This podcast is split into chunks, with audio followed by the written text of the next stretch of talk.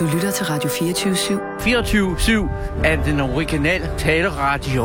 Velkommen til den korte weekendavis med Rasmus Broen og Kirsten Birgit Schøtz-Krets.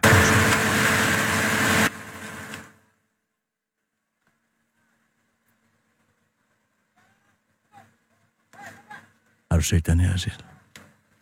Nej, hvad er det? Det er det eneste, der kan øh, lette mit humør efter det eksorbitante skattesmæk, jeg lige har fået. Ja. 250.000 kroner har jeg fået, som jeg bare har at Ej. betale ind. Ellers så kommer der 3,7 virkelig procent i renter på. Bare lige sådan der. Og så har Skatteministeriet fandme pisset penge væk. 68 milliarder kroner, undersøgelsen siger lige nu, ikke? 68 milliarder kroner over de sidste tre år har Nej. de ikke fået inddrevet. Og så har jeg bare betalt ved kasse 1, fordi jeg lavede for en halv million moderatorjob sidste år på folkemødet, som er kommet ind som B-indkomst. Og det har de jo fået nys om, fordi alle virksomhederne, de gør jo opmærksom på, hvem de har udbetalt penge til sådan noget svineri. Altså, jeg har pengene. Men det at skulle betale 250.000 kroner direkte ind til skattefar, fej for satan, siger jeg.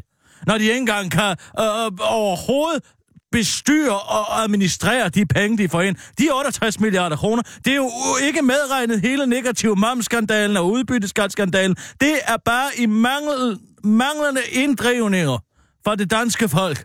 Ikke sandt? Og så skal jeg betale for, at folk kan komme på hospitalet og nyde godt af biblioteker, og gratis veje, og gratis træer, og gratis bænke. Og det er så mig, Kirsten Birgit, der betaler for det hele. Jamen, god fornøjelse, siger jeg bare. Ja. Men så fandt jeg den her vidunderlige video af en orangutang på Borneo, ja. som, jamen, det er den dummeste app, du nogensinde har set. Det er det sidste træ i skoven, der er ved at blive fældet af en stor bulldozer. Og så står den der dumme app og kæmper mod bulldozeren, fordi den ikke vil lade sit sidste træ gå fløjten. Mm. Se en gang. Prøv at se. Ja. Kan du se den? Se, der går den hen og slår på bulldozeren. Altså, så tror den, at den kan slå en bulldozer ned. Den her, der er der ikke noget til at sige til, at de overhovedet ikke kan finde ud af noget som helst, de der aber der. Men hvis de nu... De er så dumme. Se, nu råber de efter den. Det er en aber, siger de. Kan du høre det? Det er en aber. Der var engang en abe, hvis man kunne lægge den under der boede i en skov. Og den kunne ikke svinge sig fra gren til gren, for der var ikke flere træer, så den er det bare at være en lille dum abekat. Eller måske... Borneo vågner aldrig, og drømmen står på træstammen. Borneo og bulldoze. Ja, det skal arbejdes lidt med. Det er fantastisk. Men den er jo slet ikke stærk nok til at stoppe. Nej, den kan overhovedet ikke. Altså, hvad regner den med? Hvis den skulle gøre noget, hvis den kunne tænke selv, hvis den var en lidt højere stående primat, så ville den jo gå ind i førerhuset og vride hovedet af den person, der sad derinde og styrede den. Men det kan den jo heller ikke finde ud Nej, af, fordi vel? den tror, maskinen er et menneske. Den tror, maskinen er en stor dinosaurlignende genstand. Mm. Jamen, altså, det er fantastisk. Men, men, Sorry, jeg er ærligt talt. sorry. Du kommer tre et halvt minut for sent. Ah, Det håber jeg, du er klar over, kammerat. Nå, har du så kogt dit æg? Du kan ikke koge et æg på tre et halvt minut. øh, jo, Nej, du kan ikke koge et æg på 3,5 Det har- minut. Hvis du skal koge et æg på 3,5 minut, så skal du lægge ægget i det kolde vand og vente til, at vandet koger, og så tælle 3,5 minut. Det der med Ja, at det- koge et æg på 3,5 minut, det er vås. Jamen. Fordi at der er jo en lang periode, hvor vandet vil være under opvarmning. Ikke sandt? jo, man kan vel putte ægget i, når vandet koger, eller? Ja, ikke. så skal du vente 4,5 minut. Det kommer an på, hvordan man vil have ægget. O- Okay, hvis du vil have et helt slimet og blødt æg, ja, værsgo. Prøv at høre, jeg så aner det ikke, jeg aner Hvad ikke, er det for en jeg, jeg, jeg aner ikke, Hvad er det for jeg, en jeg sæk, du aner ikke, hvordan Dirk Passer vil have sit æg, men det skulle da ham, der har sunget sangen. Hvad for en sang? Jeg tre et halvt minut. Det er 25 minutter endnu, og det er Paul Dissing. Jamen, Dirk Passer har da lavet Og en det sang. handler ikke om det ikke. Det handler om en Fint mand, der nok. er ved at blive ført til galgen. Må jeg have en Må jeg forklaring lige på, have lov hvorfor til det... at svede lidt af en gang? Ja, tak skal du have. Føj for satan, hvor det stinker. Ja, har du hørt om deodorant, kammerat?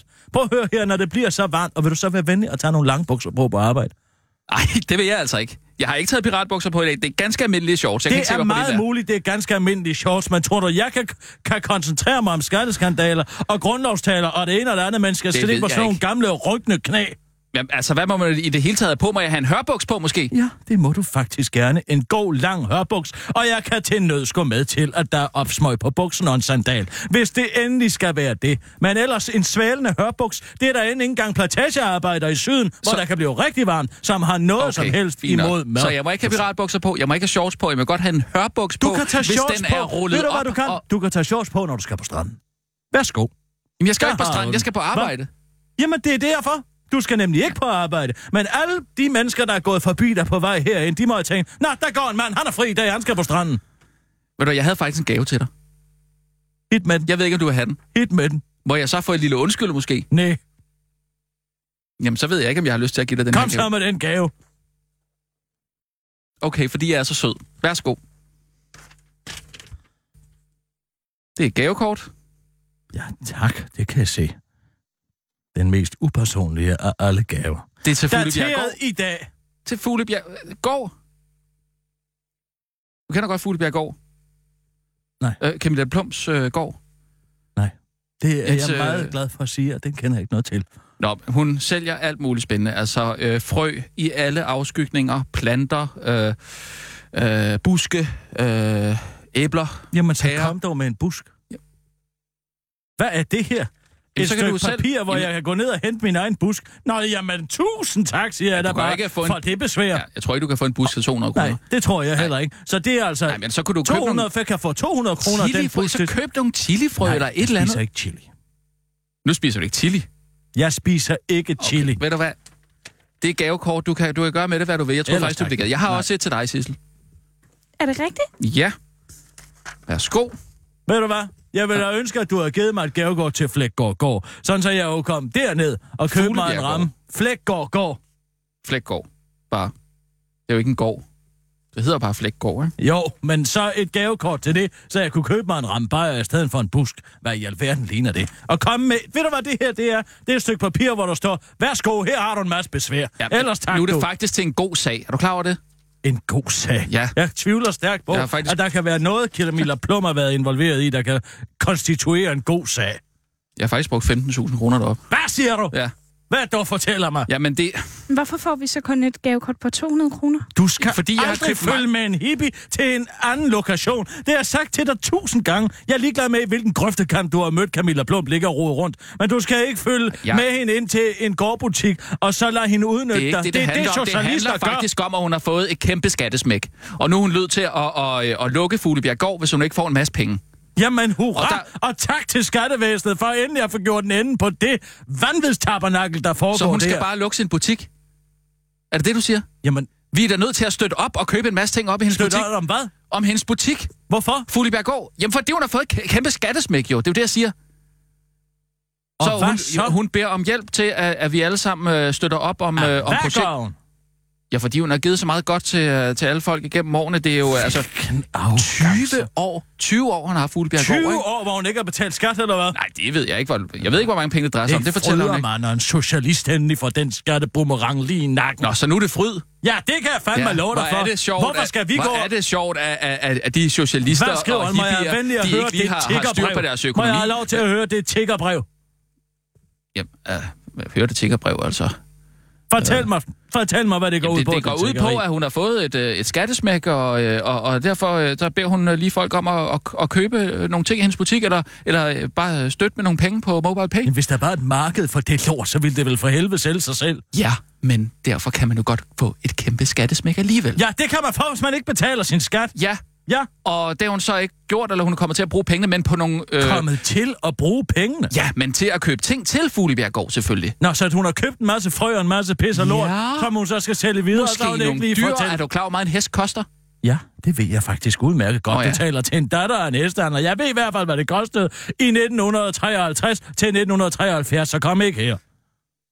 Fint nok. Jamen, så ved Og du ved også, også, hvad at det koster ikke... at slakke det en. Så ved, Det du måske koster også, nemlig mere end en sløv økse og en strandbred. Så ved du måske også, at det er ret svært at drive et økologisk landbrug i dag. Og når man så kommer til at bruge nogle penge, man troede, man havde, havde som man så ikke har. Ja. Ja. Hun har i hvert fald ikke brugt den på vand og sæbe. Det er der i hvert fald en ting, der er helt sikkert. Hvor beskidte kælling. Men hun har i hvert fald heller ikke brugt det på pesticider og, og Roundup, vel? Og det synes jeg, vi skal støtte op om. støtte op om. Ja, så- så nu skal alle vi andre, der går og betaler i princippet vores skat, til at betale Camilla Plums socialistskat også. Hvad mener du? Betal hendes skat? Ja, betal hendes skat, det er jo det, hun beder om, ikke? Så alle andre skal gå og knægtes med det enorme år, det er at betale halvdelen af ens løn hver eneste måned til skattevæsenet, ud over alle de af- afgifter, vi bliver pumpet fuld af. Og så skal vi også der betale Camillas Plums øh, skat, fordi hun ikke lige har haft ret tid i omhu nok til at, at sanke i lade. Er det ikke lige meget, om hun har haft rettidig omhu eller ej? Det er det sgu da ikke, Det fordi hun har gået Hun har givet så meget godt. Så typisk Hun har givet så meget godt til folk. Hvad har hun givet til folk? Evnen til at kunne bruge tørt stykke brød i enhver sammenhæng. Ja, for eksempel. Nå, jeg har da aldrig nogensinde... Er du, er du klar over, hvor mange opskrifter, jeg har fået af Camilla Plum? Nej, det ved jeg ikke, og jeg har heller ikke lyst til at høre det, for jeg synes ærligt talt, det er ulækkert. Ribolita. Ribolita op i min Toskansk bønnesuppe. Ja, lige præcis. Ja, der skal fandme tørret brød i, det kan jeg godt love dig. Krostini. Jeg har simpelthen lært at lave så mange forskellige slags krostinier igennem hende. Altså, Så der, spis dog dit brød, mens det er brød, og det ikke er en eller anden hård mursten, Camilla Plum. Men det er der måske du også kan bruge det at- i en, en, i en sauce, for eksempel. I en hvis du, sauce? Ja, hvis du gerne vil have den, have den lidt tykkere, Så har jeg så, hørt det med. så smid der noget brød i. I en sauce, ja. Ja. Lav du en Ja, bernæs med et stykke tørt rugbrød. Fej Jeg siger ikke, man skal lave en banæsat, men du kan da godt, hvis du har Nej, en eller anden... så skal jeg øh, spise en eller anden hippiesauce, så- fordi at Camilla Plum ikke har haft ret tid i omhu nok til at æde sit brød, Jo. mens det var blødt. Men det, altså, vi er måske nogen, der synes, det er lidt dumt at gå og putte mel i en hvad, sauce. jeg for når der nu ligger et godt brød foran. slæbe op og, og, og få enderne til at Det for spild Camilla Plum, mel. Det fordi spild af hun mel. har Det er simpelthen brugt sine af mel, penge hvis man i står- utid. Mel og mælk skal du bruge, ikke? Til at lave sådan en, øh, en, en, øh, en, en, en klump til, til, til saucen der, ikke? For at få den pisket op til, til noget. Mel og mælk, mel og smør. Ja. En smørbold leder det. Fint nok, men Hvis hvor, du vil have ubagt smør som en anden barbar. Men altså, jeg tager nu min mel i en ru. Altid i en ru. Ja, det er meget fint. Men hvorfor gør det, når du har et brød, der ligger på bordet, som du ikke kan spise på andre måder? Ja, du kan selvfølgelig lave en krostine ud af det, men det er altså Camilla Plum, der har, der har åbnet mine øjne for det. Og det synes jeg, øh, ja, det er jo så bare en af mange ting. Jamen, jeg Du kan få en kattekilling op på Fuglebjergård. Ellers tak, du. Jeg skal ikke have sådan en utøjssæk ind i mit hjem. Jeg ved udmærket godt, hvordan der ser ud derude. Der er smudsigt. Der er smudsigt over det hele, fordi hvis der er én ting, socialister ikke gider, så er det at gøre rent i egen Hvorfor skal rede. vi altid Hvad? starte med at skændes? Fordi du altid kommer ind og så provokerende. Jeg giver dig en gave. Giver mig Hvorfor kan du ikke bare være glad for den? Du giver mig muligheden og risikoen for at rende ind i Camilla Blum i en eller anden socialistisk møgbelortet gårdbutik på Nørrebro, hvor jeg i øvrigt ikke kommer. På Nørrebro? I Fuglebjergård, det ligger der oppe i Nordsjælland. Jeg skulle da ikke gårdsbutikken. Den ligger der i Jægerborgsgade, Jægersgårdsspade, et eller andet sted. Og der kommer jeg ikke. Der sætter jeg ikke mine ben. Så ellers tak. Og så var du, jeg skal køre helt op til øh, Nordsjælland i, i en eller anden gammel kystbanesocialist. økologien. Du kan sgu da også godt lide økologisk mad. Ja, fordi det smager bedre. Ja, det er ikke fordi, præcis. at Camilla Plum har lavet det. Jeg har intet med hende at gøre. Måske hænger de to ting sammen. Har du Nej, tænkt på det? kan jeg love dig for, at det ikke gør. Camilla Plum har ingenting at gøre Hun laver det. ting på slump. På plump hedder det. Slump. Og det er, når der lige kommer to kilo negleskidt ned i det også. Ej, altså. Køb du er så bakterieforskrækket. Du? Du er er så bakterieforskrækket Jeg altid. gider da bare ikke at have Camilla Plums røvhulshulsfingre nede i min... Okay, så nu kan hun ikke finde ud nede i af min at, at, tørre sig i numsen heller. Nej, det tvivler jeg faktisk stærkt på, hvis hun kan nå om bag ved den store, ræve, Okay. røde røv. Ved du hvad? Jeg har lige været deroppe. Jeg er faktisk sikker på, at du er større end hende. Hvad siger Ja, du? Nu er det... Sådan Hvad sagt. du siger? Står du og siger, at jeg er større end Camilla Plum? Jeg forstår ikke, hvorfor du skal være efter Hva? hendes vægt, når du Den selv har både til gården og til gaden. Ved du, hvad Altså, hun skulle have gjort? Hun skulle have været med at lade Christian Harlang øh, administrere de 70 millioner, hun kunne have arvet fra sine forældre. Hvordan er det gået med det, Camilla det Plum? ved jeg ikke det er noget. Det- men det er jo derfor, hun står og mangler penge. Hun har Står manglet penge hele livet. Hun mangler jo ikke penge, for hun har bare ikke betalt dem i skat. Hun har brugt dem sidste år. Det er det hvad der er samme. Det er det samme. Hvad Jo. er det for noget vrøvl? Fordi hun har brugt dem på noget godt. På noget godt. Hvor Økologi. Fanden, hvor fanden ved du det fra? Hun går dem på horehus og Ferrari-udlejning, for alt hvad du ved. men det har hun Fordi ikke. hun er kilo Camilla Plum og kun går i bad en gang om ugen. For eksempel, ja. Men jeg kan ikke se, hvad det har øh, med noget som helst at gøre, hun ikke går særlig meget i bad. Ja, det har da det med at gøre. Når man bestiller en kogekone, så regner man der Hun med en vis sparer med på en... vandet. Ja, det skal Og jeg er faktisk for. også kommet i en værre lorte situation, for jeg må heller ikke vande min have længere. Og jeg har plantet simpelthen så meget ud i min have. Jeg har både kål, og jeg har radisser, og jeg har øh, vinplanter og jordbær. Jeg kan ikke vande min have nu. Nej, det kan du ikke. Og hvorfor kan Og du hvad ikke gør det? jeg så? Hvad? Ja, det er jo på grund af de glo- den globale opvarmning. Den globale opvarmning. Ja. Det er fordi, at Søren Pind, han vil have så hårdt et vandtryk, at det sprøjter ud over det hele, hvor er det også skam for Søren Pind. At nu oveni ikke har fået det job og er færdig som minister, og sidder derhjemme med noget helt fladt over, fordi de har skruet ned for vandtrykket. Så du synes, det er mere synd for Søren Pind, at han ikke har et hårdt vandtryk? Ja, det kan jeg love dig for, jeg synes. Men det er for Camilla, Camilla Plum. At hun ikke har fået betalt sine penge i skat, man har brugt dem på noget andet? Ja, det ja, synes jeg ærligt talt. godt. Ved du hvad? På noget andet Søren godt. Pind, Hvorfor udlader du det hele tiden det? eneste dag, Hvorfor eller udlader det du hele tiden at bruge pengene på noget godt? Han kæmpede for at få en Ronald Reagan-statue øh, øh, i København. Bare, øh, og det eneste, han skulle betale, var overvågning af de københavnske borgere. Hver eneste dag går han på arbejde i slider, og betaler i princippet sin skat, også til vandværkerne. Og når han så skal ind i en bruser, så kan han ikke få et ordentligt vandtryk. Hvad ligner det? Og hvorfor ja. kan han ikke få det ordentlige vandtryk? Fordi folk som Camilla Plum med deres korrekte holdninger og venstreorienteret overbevisning ikke selv gider betale skat. Det er kun alle de rige svin, der skal det. Hun gider da godt selv at betale det. Der er bare sket en fejl, ikke? Hvad er det for en fejl? At hun er kommet til at bruge pengene. Nå, hun er lige kommet til at bruge dem? Ja, på noget godt. Nå, okay, på noget godt. Jamen lad os da endelig støtte op om sådan en hyggelig. Værsgo. Jeg vil ikke have det. Tag nu det gavekort. Niks. Jeg vil ikke have den byrde. Det er et byrdebrev. Jamen, jeg har jo, det er jeg har jo for helvede betalt. Bulle, jeg har jo betalt. Ellers tak, ja, så find nogle andre, der vil det er lort, hvis du kan. Men det er jo nok det, der er sandheden, at det kan man ikke. er du irriterende. Godt. Vi slutter fred. Her er min hånd. Nej. Ej, lad være. Hvor... Du er så barnlig. Okay, så tag min hånd. Så er det dig, der tager min. Du kan da tage min, når jeg rækker den frem først. Du kan komme herover, hiv færdigt. Så vil jeg godt give dig ånden. Og så vil jeg godt have lov til at få et klokkeklart undskyld for, at du prøver at prakke mig noget af Camilla Plums møg på.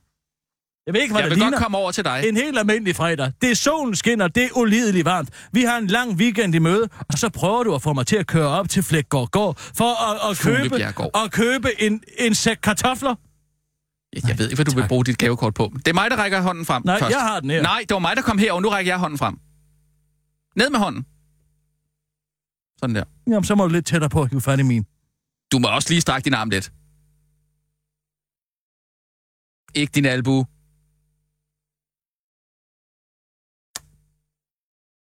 Det var et high five. Sådan. Det gør de unge. Det var faktisk en low five too slow. Nå, øh, Sissel, jeg har en ja. og så går vi direkte videre i en grundlovstale, hvis du tager den gamle pik frem og spiller den. Mm-hmm. Har du en grundlovstale? Ja. Først blevet tid til ugen i ugen. Ugen, der gik i langsom gensættelse. Morten Messersmith har aldrig hørt fra Olof. Det er altså mærkeligt. Hvad er det for et nummer, de har forsøgt at ringe på, lyder det fra Dansk Folkeparti's Morten Messersmith, da den korte weekendavis rapporter konfronterer ham med den kritik, som EU's antisvindelsenhed Olaf har rettet mod ham. Igennem det sidste år har efterforskerne fra Olaf desperat forsøgt at indhente oplysninger fra Morten Messersmith, men ifølge Olaf, sand ham selv, så bliver det simpelthen problematisk at løse sagen om misbrug af EU-midler i fondene meldt og fældt, når Morten Messersmith ikke vender tilbage på deres henvendelser. Antisvindelenheden har ellers flere gange bedt om oplysninger fra Morten Messersmith uden at få svar, men det er der altså ifølge Morten Messersmith en rigtig god grund til, og den grund er, at han aldrig har hørt fra dem simpelthen.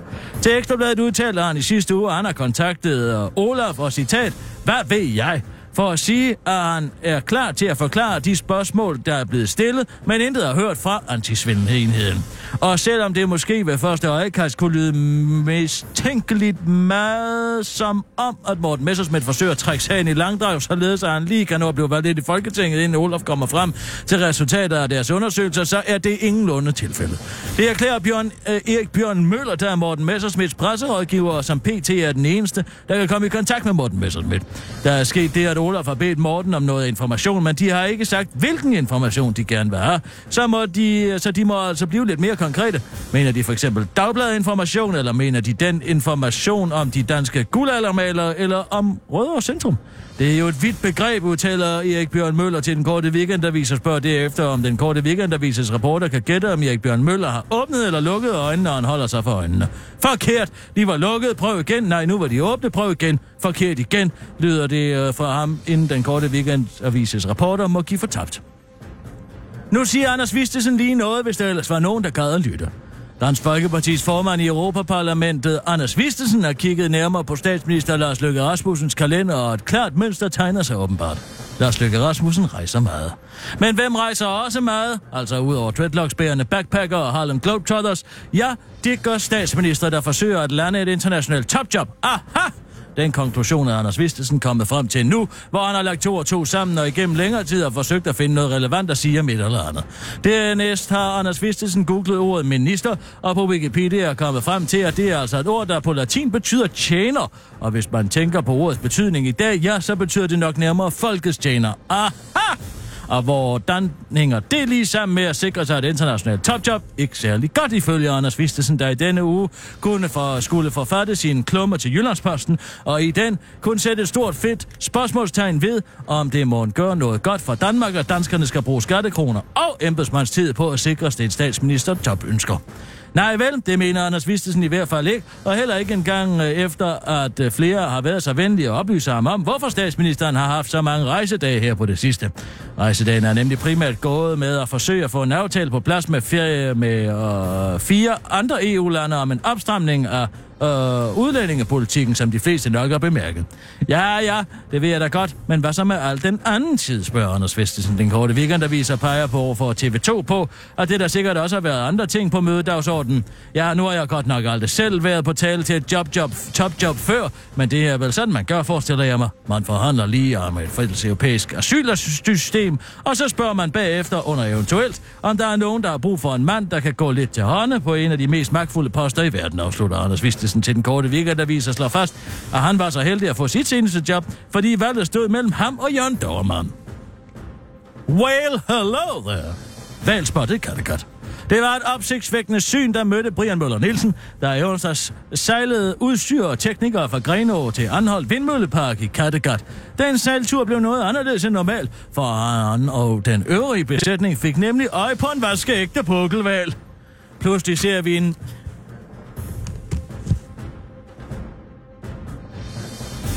Pludselig ser vi en masse plasken, og skiberen er helt sikker på, at det må være en val. Og det var det så. Det er ikke første gang, man har set valer i Kattegat, men jeg har sejlet her i 30 år. Det er første gang, at jeg møder en pukkelval. Det er helt vildt, siger Brian Møgel Nielsen til TV2 Østjylland. Havbiolog Bo Skårup fra Naturhistorisk Museum fortæller til politikken, at der er flere årsager til, hvorfor valen plasker rundt i Kattegat. Tidligere var det oftest, fordi valerne havde forvildet sig op på vores kanter, men nu ser vi, at de unge han er keder sig og svømmer hen, hvor de kan spise sig store og fede. I Kattegat hygger den her valg sig sikkert med hornfisk, sild og makrel, afslutter han. Objection! Jeg tror, det var Kim Val, der svømmede rundt og hyggede sig. Min klient siger nemlig, at hun er et bedre sted, og jeg tror på alt, hvad han siger om Kim Val. Udtaler Peter Mørsens advokat Bettina Hall Elmark til den korte weekendavis. Men den udtalelse synes Dansk Folkeparti's transportordfører Kim Christiansen simpelthen er for grov. Det var mig. Okay, er I så tilfredse? Jeg havde indgået et vedmål på min, øh, på, på min bodega rapporter, om om det var muligt at svømme fra Maria Fjord til Anholdt med oppustede poser fra vinbokse, og det kunne man faktisk godt. Men det var tæt på at gå galt, for jeg lå lige i vandskorpen med mausen øverst. Det var meget befriende. Låns lange arm kunne slet ikke nå mig. Når jeg skulle pisse og skide, ja, så gjorde jeg det bare. Når jeg kede mig, sang jeg, stik mig en øl eller sløj flikflak i mig fjord på repeat. Det var lidt krise, da jeg, halvvejs, øh, da jeg var halvvejs, for jeg var tørstig. Og jeg begyndte at sutte på hanen i vinposen, og så kom der altså til at lukke en del luft ud. Det var derfor, jeg plaskede så meget. Særligt da jeg lå og spiste min medbrygte makrel i tomat. Men lige frem at kalde mig en valg, det så sgu mine følelser, især når det kommer fra dem, der bare filmede mig og sejlede forbi, selvom jeg sang, du ligner en, der mangler selskab med fuld kraft til ham, afslutter Kim C. til den korte weekendavis. Det var den korte weekendavises små korte nyheder, men blev hængende, for nu går tiden videre til en grundlovstale. Det har været grundlovsdag. Ja, det er tidsforskudt lytning, men det var altså i onsdags. Nej, det var tirsdag. Og øh, det er, hvis du sidder og hører det i dag, Ja, det er så i fredag. Eller øh, i dag er fredag, når jeg siger det. Men også i dag kan også være lørdag for dig, der hører det tids, tidsforskydt eller øh, øh forskidt. Eller for... Øh, eller på... Ja, men det kan være alle ugens dage. Men det er altså den 5. juni, der er grundlovsdag. Og jeg har i den forbindelse skrevet en grundlovstale.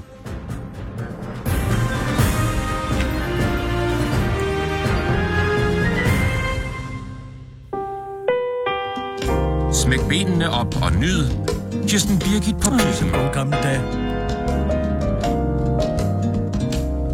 I dag er det grundlovens fødselsdag. Hurra, hurra, hurra.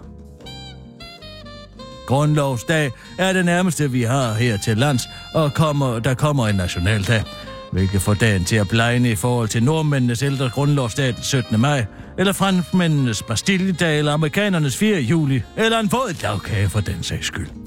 Danskerne er utrolig dårlige til at fejre sig selv. Tænk bare på dybeldagen, hvor man hvert år den 18. april med optog og hornmusik i Sønderjylland fejrer det dundrende nederlag til prøjserne på Dybelbanke i 1864. Det svarer lidt til, når Liberal Alliance sidste år fejrede finansloven. Grundlovsdag efterlader altid en lidt flad fornemmelse, og danskernes fejring den 5. juni er cirka lige så festlig som at spille gætter grimasser med Marianne Hjelved, i modsætning til nordmændenes, der svarer til en våd aften i grøften med Morten Messerschmidt. Måske er grundlovsdagsfejringen efterhånden så flad, fordi vi et eller andet sted godt ved, at der er mindre og mindre at fejre. 17. maj er en dag, hvor nordmændene stolt fejrer, hvor kæmpe køj det er at være norsk og have 6.000 milliarder i petroleumsfonden. I Danmark kan man knap nok hænge Dannebro i Folketingssalen uden at blive udskældt som nationalist eller de tre visne mænd langballe krav på kammer.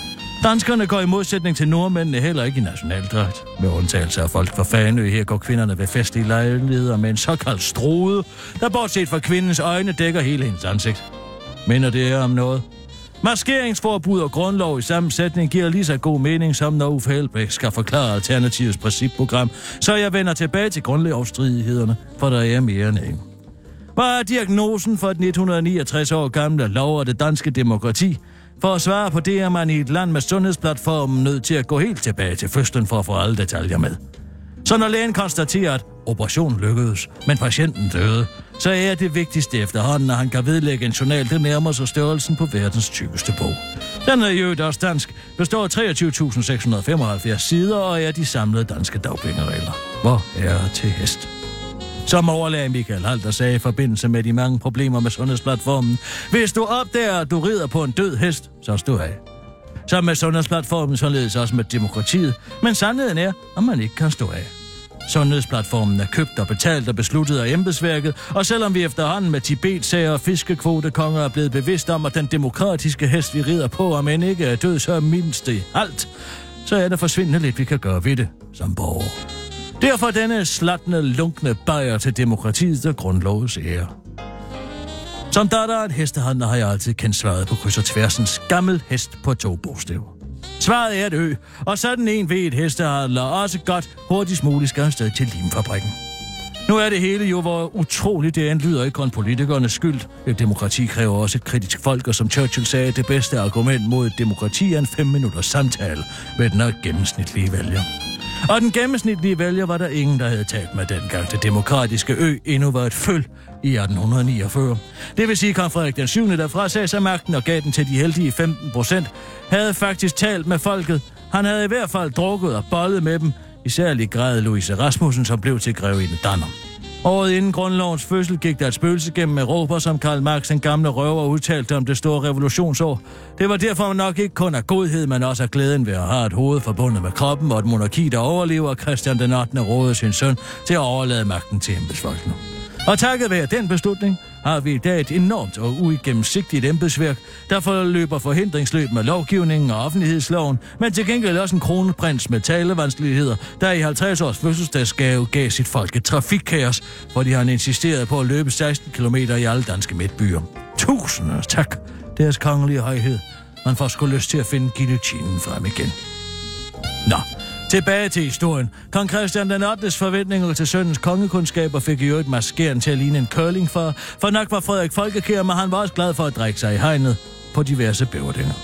På den måde minder han jo faktisk meget om Lars Lykke, folkeglad og glad for en bajer eller ti. Åh, nå ja, Lykke har jo også en forkærlighed for at give magten til folket. De folk, der betaler eksorbitante summer til den teknisk insolvente Lars Lykkes glorificerede pensionsopsparing. Lykkefonden, vel og mærke. Og hvis det ikke er kvotekongerne, der køber sig til magten gennem donationer, så er det embedsværket, der får lov at bestemme. Og de er vel at mærke ikke folkevalgte. Det er også embedsværket, der står alene med økonomi- og indrigsministeriet, fordi den folkevalgte minister, hvis navn også fungerer som politiets adrolighedstest, Simon Emil Amitsbøl Bille, midt i en skandale tog på børsluden og finde en vikar. So long, suckers, kunne man høre ham synge. Det svarer lidt til, at datatilsynet vælger en seminar i dag ud af huset samme dag som den største omvæltning i datalovgivningen nogensinde, nemlig databeskyttelsesloven træder i kraft, som de faktisk gjorde den 25. maj i år. Skandalen, jeg taler om, kommer fra Simon Emils eget ministerium, nemlig Økonomi- og Indrigsministeriets departementchef med det ejendomlige navn Sofus Garfield. Der er en lækket lydoptagelse opfordrer sine medarbejdere til at mørklægge dokumenter uden om offentlighedsloven. Som enhedslistens Pernille Skipper sagde. Jeg synes virkelig, det er klamt. Jeg skulle aldrig tro det, og jeg skulle sige det. Men jeg giver Pernille Skipper fuldstændig ret. Fej! Enhedslisten har kaldt ministeren i samråd, men det kan de godt skyde en hvid pæn efter, for han er hjemme og dikke dikke med sin lille bips. Det er et lille tips, Emil, hvis du hører efter.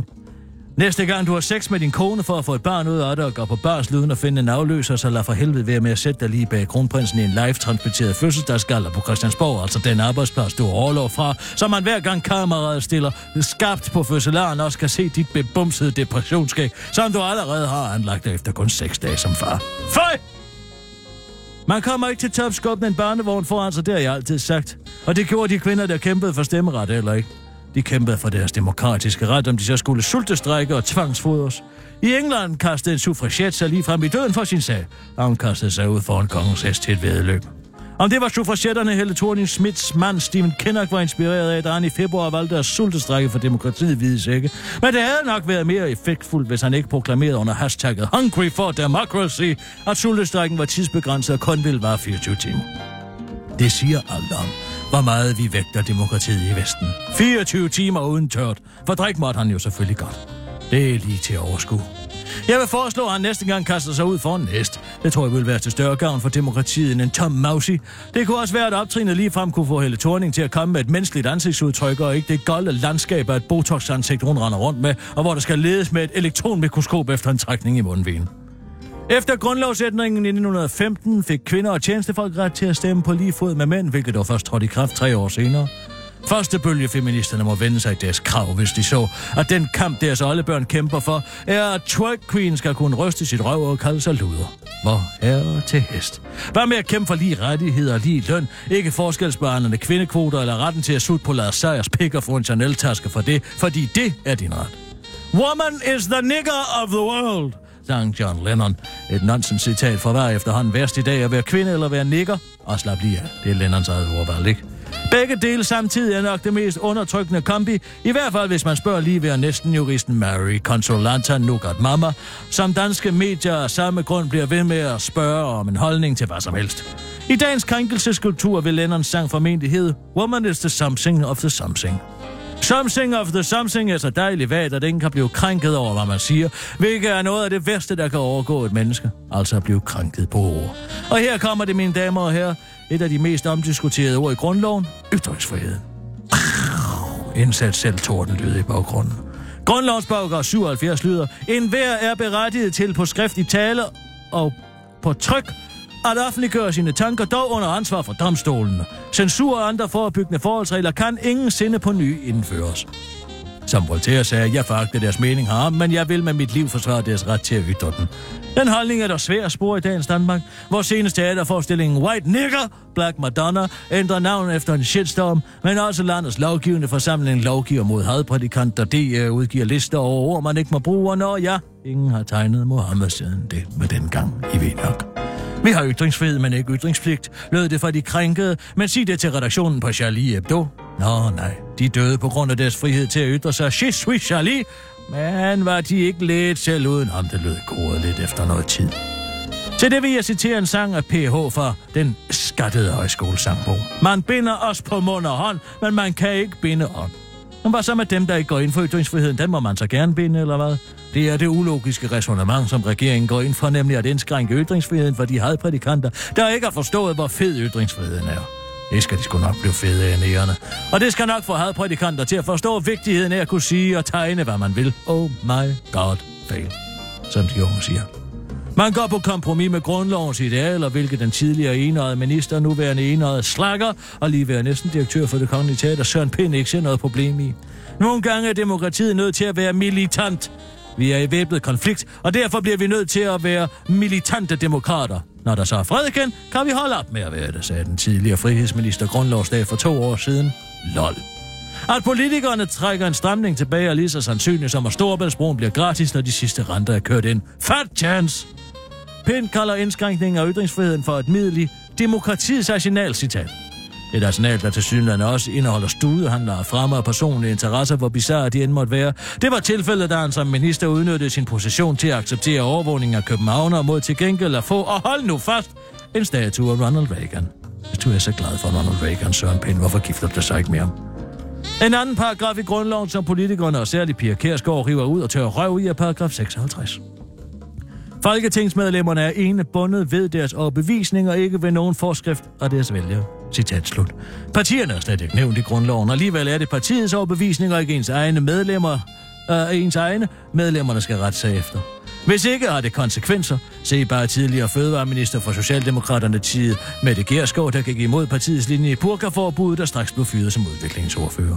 Venstres Eva Gær Hansen var også meget imod den meget uliberale lov om at bestemme, hvordan folk klæder sig. Hun var så citat rigtig ked af, at religiøse fanatikere får os til at ændre på nogle af de grundlæggende værdier i det danske samfund. For mig rammer det dybt i min venstre sjæl, udtalte hun altså lige indtil hun selv blev minister og med et trylleslag rettet ind og lagde bånd på venstre sjælen.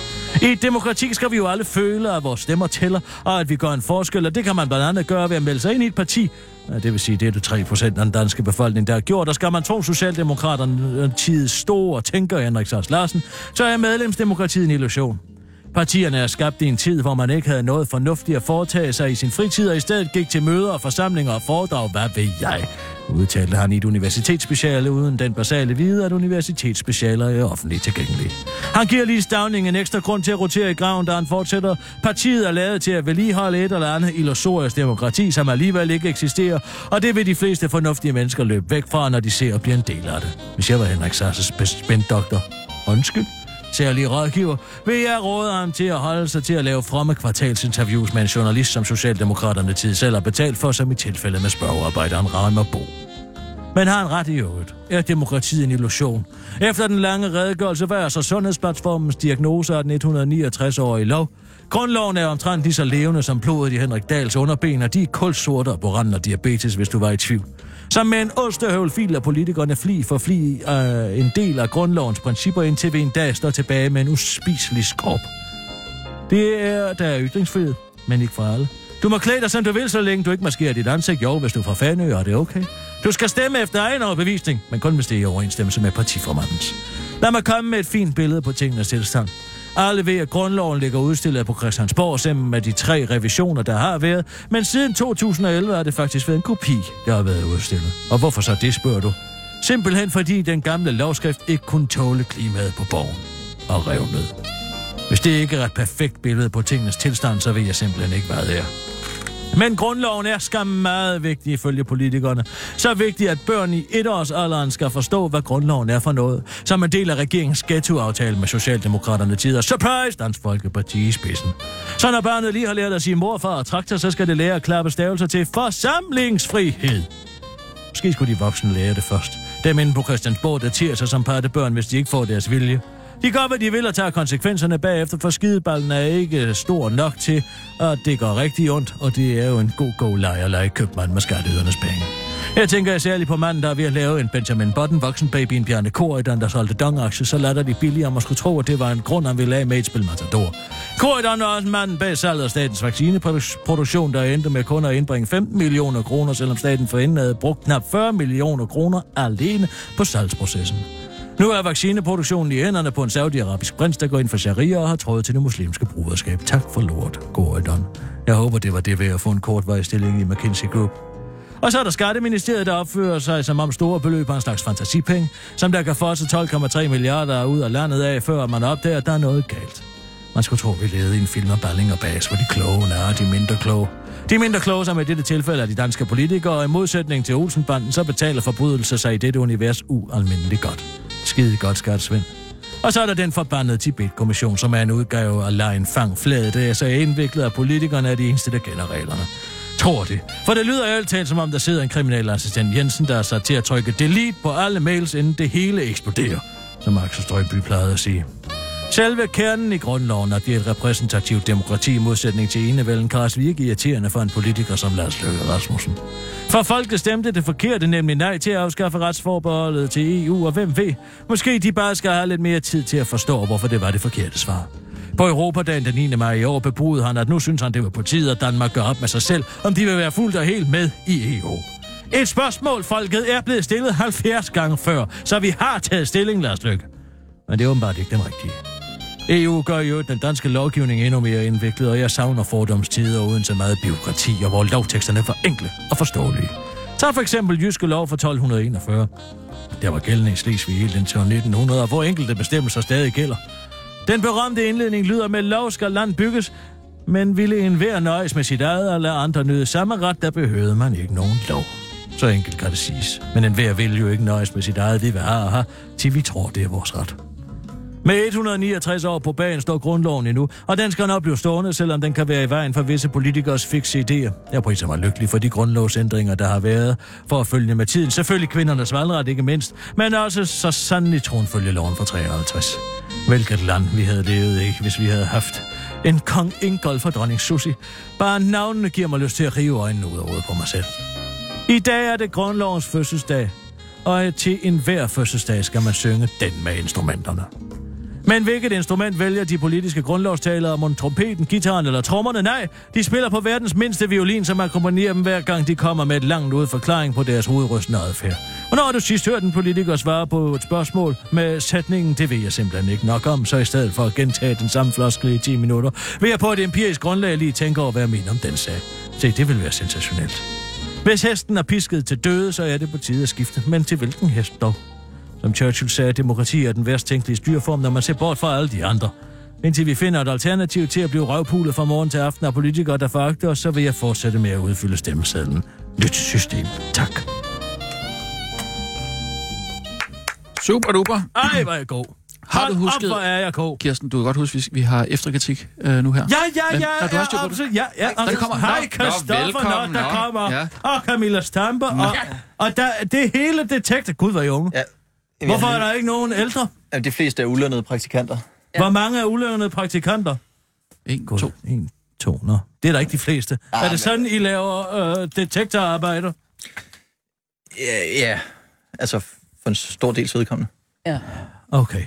Ja, jamen altså, Christoffer er kommet for, at vi skal lave ekstra kritik Ja, på vi, detektor. og, og jeg har... Og, og, øh, og, ja. og, og Stampe. Du er ikke familie med Senior Stampe, vel? Nej, det er Godt, jeg ikke. fint. Godt nok. Så Nej, men jeg, jeg er helt vildt glad for, at det kunne lade sig gøre. Vi er jo på øh, Inspirationsdag, vi havde sidste program i går, så nu... Øh, Ja, ja, ja, og jeg har været oppe og, og snakke med uh, Brian. ja, ja, han Man- fortalte lidt om det konfronterende interview og sådan noget. Nå. Det er fordi... Det er fordi Øh, lær, kunne du lære noget? nej, jo, altså jo, jo, jo, jo. Altså han er god, han er skide god, Mm, Brian. han er nemlig rigtig god. Det var, det var lidt det, Det, der med... han er nemlig god. Lad, mig- Nå, undskyld, hvad sagde du? Jamen, det er Undskyld. fordi, vi... Hvad jeg skal det, lige have fundet... vi Jeg har have- min Hvis efterkritik, vi skulle her have stadig økonomisk tilskud til den middag, vi skal på i aften, så skal Nå. der være noget fagligt indhold på dagen. Ja, men hvad giver det? Er det det, vi er her for? Nej, nej, nej, nej, ikke, ikke jer. At det er øh, til, Nå. til ligesom noget, vi kan tage med til næste sæson. Jeg har jo den her lange grundlovstale, jeg lige har siddet og holdt. Lige et øjeblik. Øh... Hvor er min efterkritik? Jeg har forberedt mig. Det er her.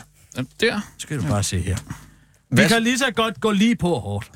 Ja, skal vi ikke øh, lave en kritiksandwich? Noget positivt? Hvis du har noget. Ja, vi er jo nødt til at lige at... Jeg har masser af positive ting. Skal du også Nå. være med, Rasmus? Eller? Øh, Jeg fik ja, sagt vi fik til Rasmus i løbet af ugen, Du- og om han måske også lige vil kan, fordi det er interessant at se, hvordan... Hvordan... Hvad? Hvor, Hvad? Ah, hvordan skal jeg formulere det? Hvordan... Forskellige Men- segmenter kan se et program. Tak skal du have. Ja. Hvordan forskellige segmenter kan se det samme program, måske nogen, som har en, øh, forudsætninger, og nogen, En redaktørs blik på det, ikke? der øh, har andre forudsætninger. En redak- redaktør. Altså, Marie, Sætligt. Marie, hun står ude i... Øh, Er det jeres Det er vores redaktør? det er vores... Øh, Ja. Nå, ja. Hej, hej. Hej, hej, hej. Ja, det er bare så fint, så fint. Nej, vi kan lige så godt tale med de mennesker, der er. Hvem laver grafikken? De er her faktisk ikke. Nå, for Altså, den det er... er- Janus her, han er fotograf. Det ser skide flot ud. Altså, jeg vil sige, grafikken, wow!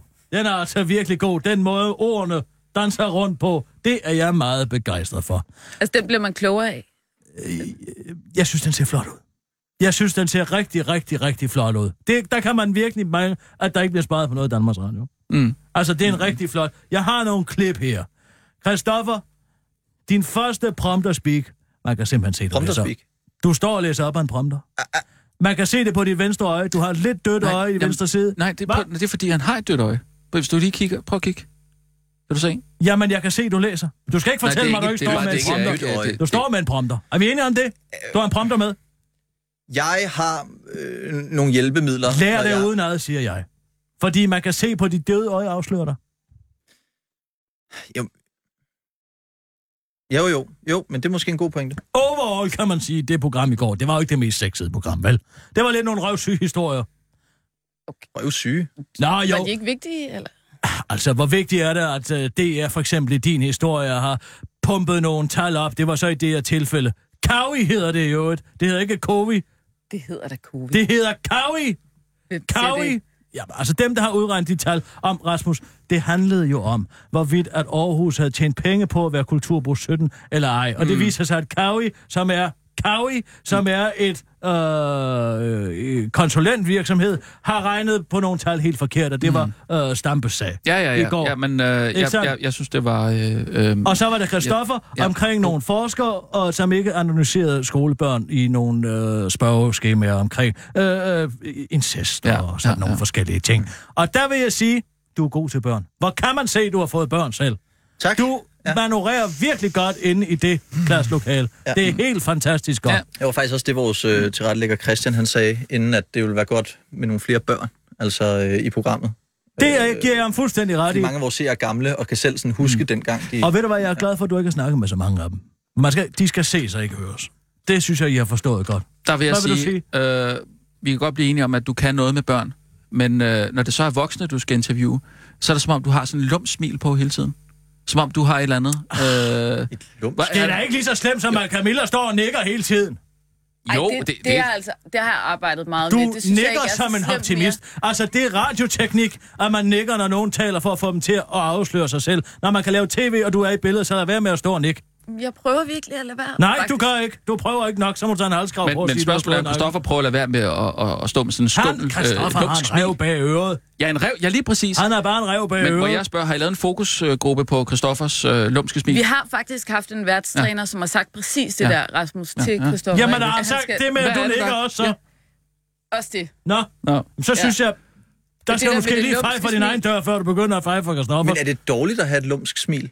Jeg kan godt lide det, for jeg tænker, hvad har han op i hjemmet? Hvad jeg, kommer der nu? jeg synes, man og bliver, det kommer man, altid, jeg synes, man bliver bang, usikker. Man bliver usikker af det. Jeg kunne godt tænke mig til gengæld, at den historie havde noget mere perspektiv. Fordi det er jo altid forskerne, der forsøger at få lempet øh, datalovgivning. De prøver altid at sige, at vi skal bruge det til forskning og dit og dat. Og det har de gjort i 30 år. Det kunne jeg godt tænke mig, at der var kommet noget mere med. For videre til dig, Camilla Stampe. Fantastisk tøj. Hvor er det nogle, nogle smukke sæt, du har på. Tak. Simpelthen så moderne. Den første, det er i Aarhus, hvor du kommer ud af musikhuset, i den her nærmest, hvad skal man sige, grafiske harlekin. Øh, buksedragt. Øh, buksedragten der. Hvad, Det er også mit sidder, eget, vil jeg bare sige. det sidder skønt på. Jeg har faktisk det lyttet, sidder det er at tage mit eget skønt på dig. Og der har jeg så lige den ene ting, det hedder kawi og ikke kowi. Og det siger du altså flere gange. Rikke. Jeg sagde det faktisk til Camilla, før hun skulle på optagelse. Det Altså, jeg har det, sagt. hvis du vil høre det på lyd, så kan du høre Det det, det jeg, jeg har det her. Det hedder 1919, og i dagens program, jeg har forberedt mig. Skal du se her. Det er rådgivningsvirksomheden Covi, der har regnet på kulturåret Det, for borgmesteren Kowi. og fonden Det hedder. Kulturåret. Det hedder altså kawi. Ifølge vores Jeg har aldrig hørt beregninger, nogen så sige viser det kawi. sig, at der er ikke nogen, som Det Du har da lige hørt mig sige det. Ja, okay, det er rigtigt. Ja, nå. Og så går vi videre her til, hvor du er inde og tale med en på et hostel. Og der vil jeg altså sige, gør noget mere ud af, at din interviewoffer føler sig godt tilpas. Fordi hun er dybt angst. Ja, det var hun faktisk. Du kan se på hende, at hun er ved at skide grøngris over i detektor. Der vil jeg starte med at sige, prøv at høre her, vi er ikke i gang med at afsløre en eller anden historie om, at du måske ikke opgiver alt, hvad du tjener til skat her på det her hostel, bla bla bla. bla. Det handler udelukkende om Kulturby Aarhus 2017. Men jeg vil- der vil jeg lige Jamen, prøv at høre hendes stemme. Hostet havde I flere gæster, end I har haft i tidligere år? Øh, ja, men det havde vi faktisk. Øh, Så, så, altså, så, vi så, havde så, en stigning rolig, rolig. på øh, 11 procent i Åh, overnatning. oh, hun prøver at tænke, det er som om hun er i løvens hule. Der vil jeg simpelthen få en til at slappe lidt af. Så har vi et problem igen med udtalelsen. 20, 2012, det kommer her. Hvad siger du her? Tror du, det skyldes? Mm, kulturåret Eller og hvad siger han? dokken og havnen og... Dokken? Dog it. Dog it. Der har du den igen. Og når. Ja. når, når en kilde siger det, så slår du ned på det og siger nej. Det hedder Dog it. Det hedder Altså. Dog it i Aarhus. Måske ikke så væsentligt i forhold til sagen, Jamen, det, man... det, jamen det, tro, det handler om troværdighed. Så har jeg her, du nikker. Det har jeg sagt. Det skal jeg nok lade være med at sige igen. Så kommer vi til 2030, altså 20 minutter ind og 30 sekunder igen. Bang! Nyt sæt. Det er igen endnu flottere end det andet. Din krav får det til at ligne en lækker volvang, har jeg skrevet her. En lille hapser, en hors d'oeuvre. Og så er der det sidste, jeg har til dig, det er, når du står med redaktionschefen i DR Nyheder. Alle ved jo, at DR Nyheder har jo ikke lavet en afsløring i. Ja, siden jeg stoppede. Det kan være en stigning Og øh, når man som interviewer en fond. møder en spørgsmålsnakker. Ved du, hvad jeg taler om? Nej, ikke præcis. Uh, skal jeg lige finde det her? Mester, som man må formode har en ret klar... Mm. Betvivl, at uh, COVID gør deres arbejde troværdigt og ordentligt. Men jeg synes også. altid, Der skal du det er god journalistisk standard at Komi. spørge så mange som muligt. Bla, af bla, bla, de har det interesse i alt sådan noget. I indslaget, der Nu kommer det på her. et tidspunkt, at vi sagde ellers... Oh. har lavet det. Ville det have været relevant at tale med nogle eksterne eksperter også? Ja, det ville det i det her Kan tilfælde. du høre, hvad jeg mener?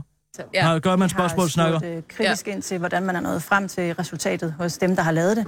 Ville det have været relevant at tale med nogle Der vil jeg som interviewer sige, holdt! Det er mig, der stiller spørgsmål her. Du skal ikke stille dig selv spørgsmål. Det her, det er jo ikke en eller anden Socialdemokratiets øh, Reimer Bo-video, hvor man kan bestille de spørgsmål, man gerne vil have. Du skal ikke, hun skal ikke stille spørgsmål, som hun selv svarer på. Det er noget af det mest irriterende, der kan overgå et, øh, øh, et program, om man skal se det. Så har jeg konklusionen. Christoffer, du skal have mere end et sæt. Tøj. Du ser simpelthen altid ens ud, og det er det der blå sæt. Og der vil jeg bryde lidt mere ud af Thomas Buchs skygge.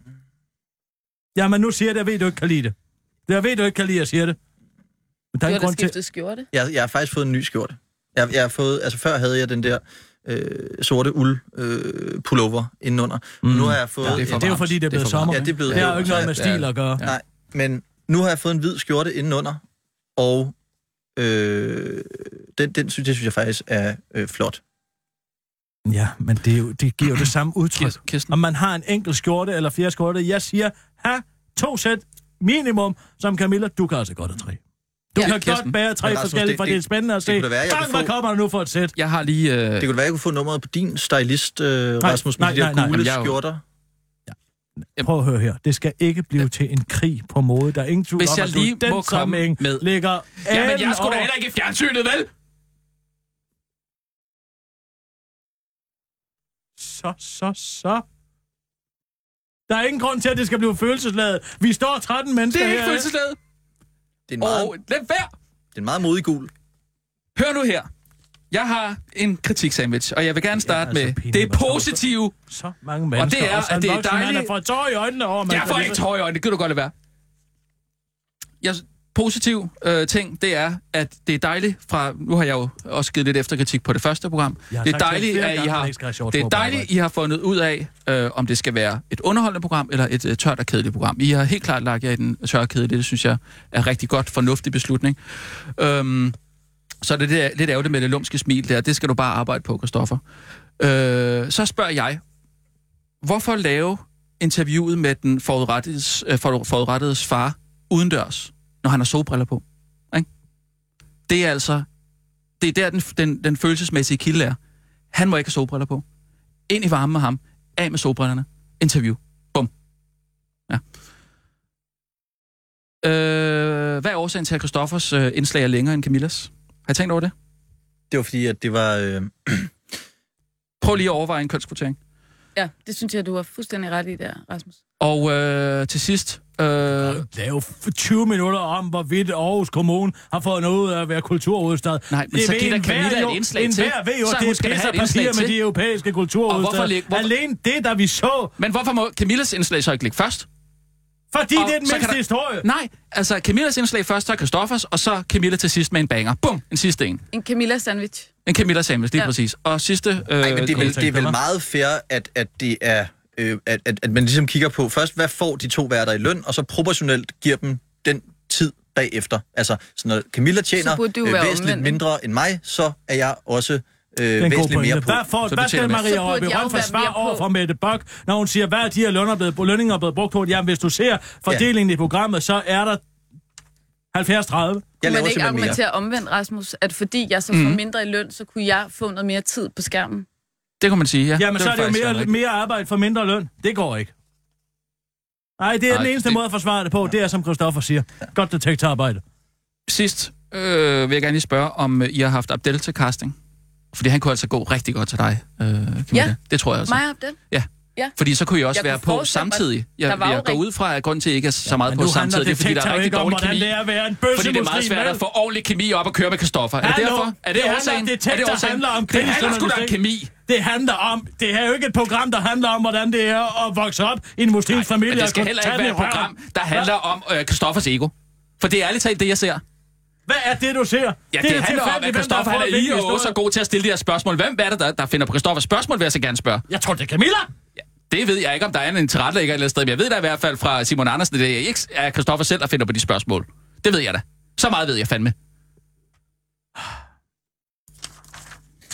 Rasmus, øh, jeg synes simpelthen, at, at de er...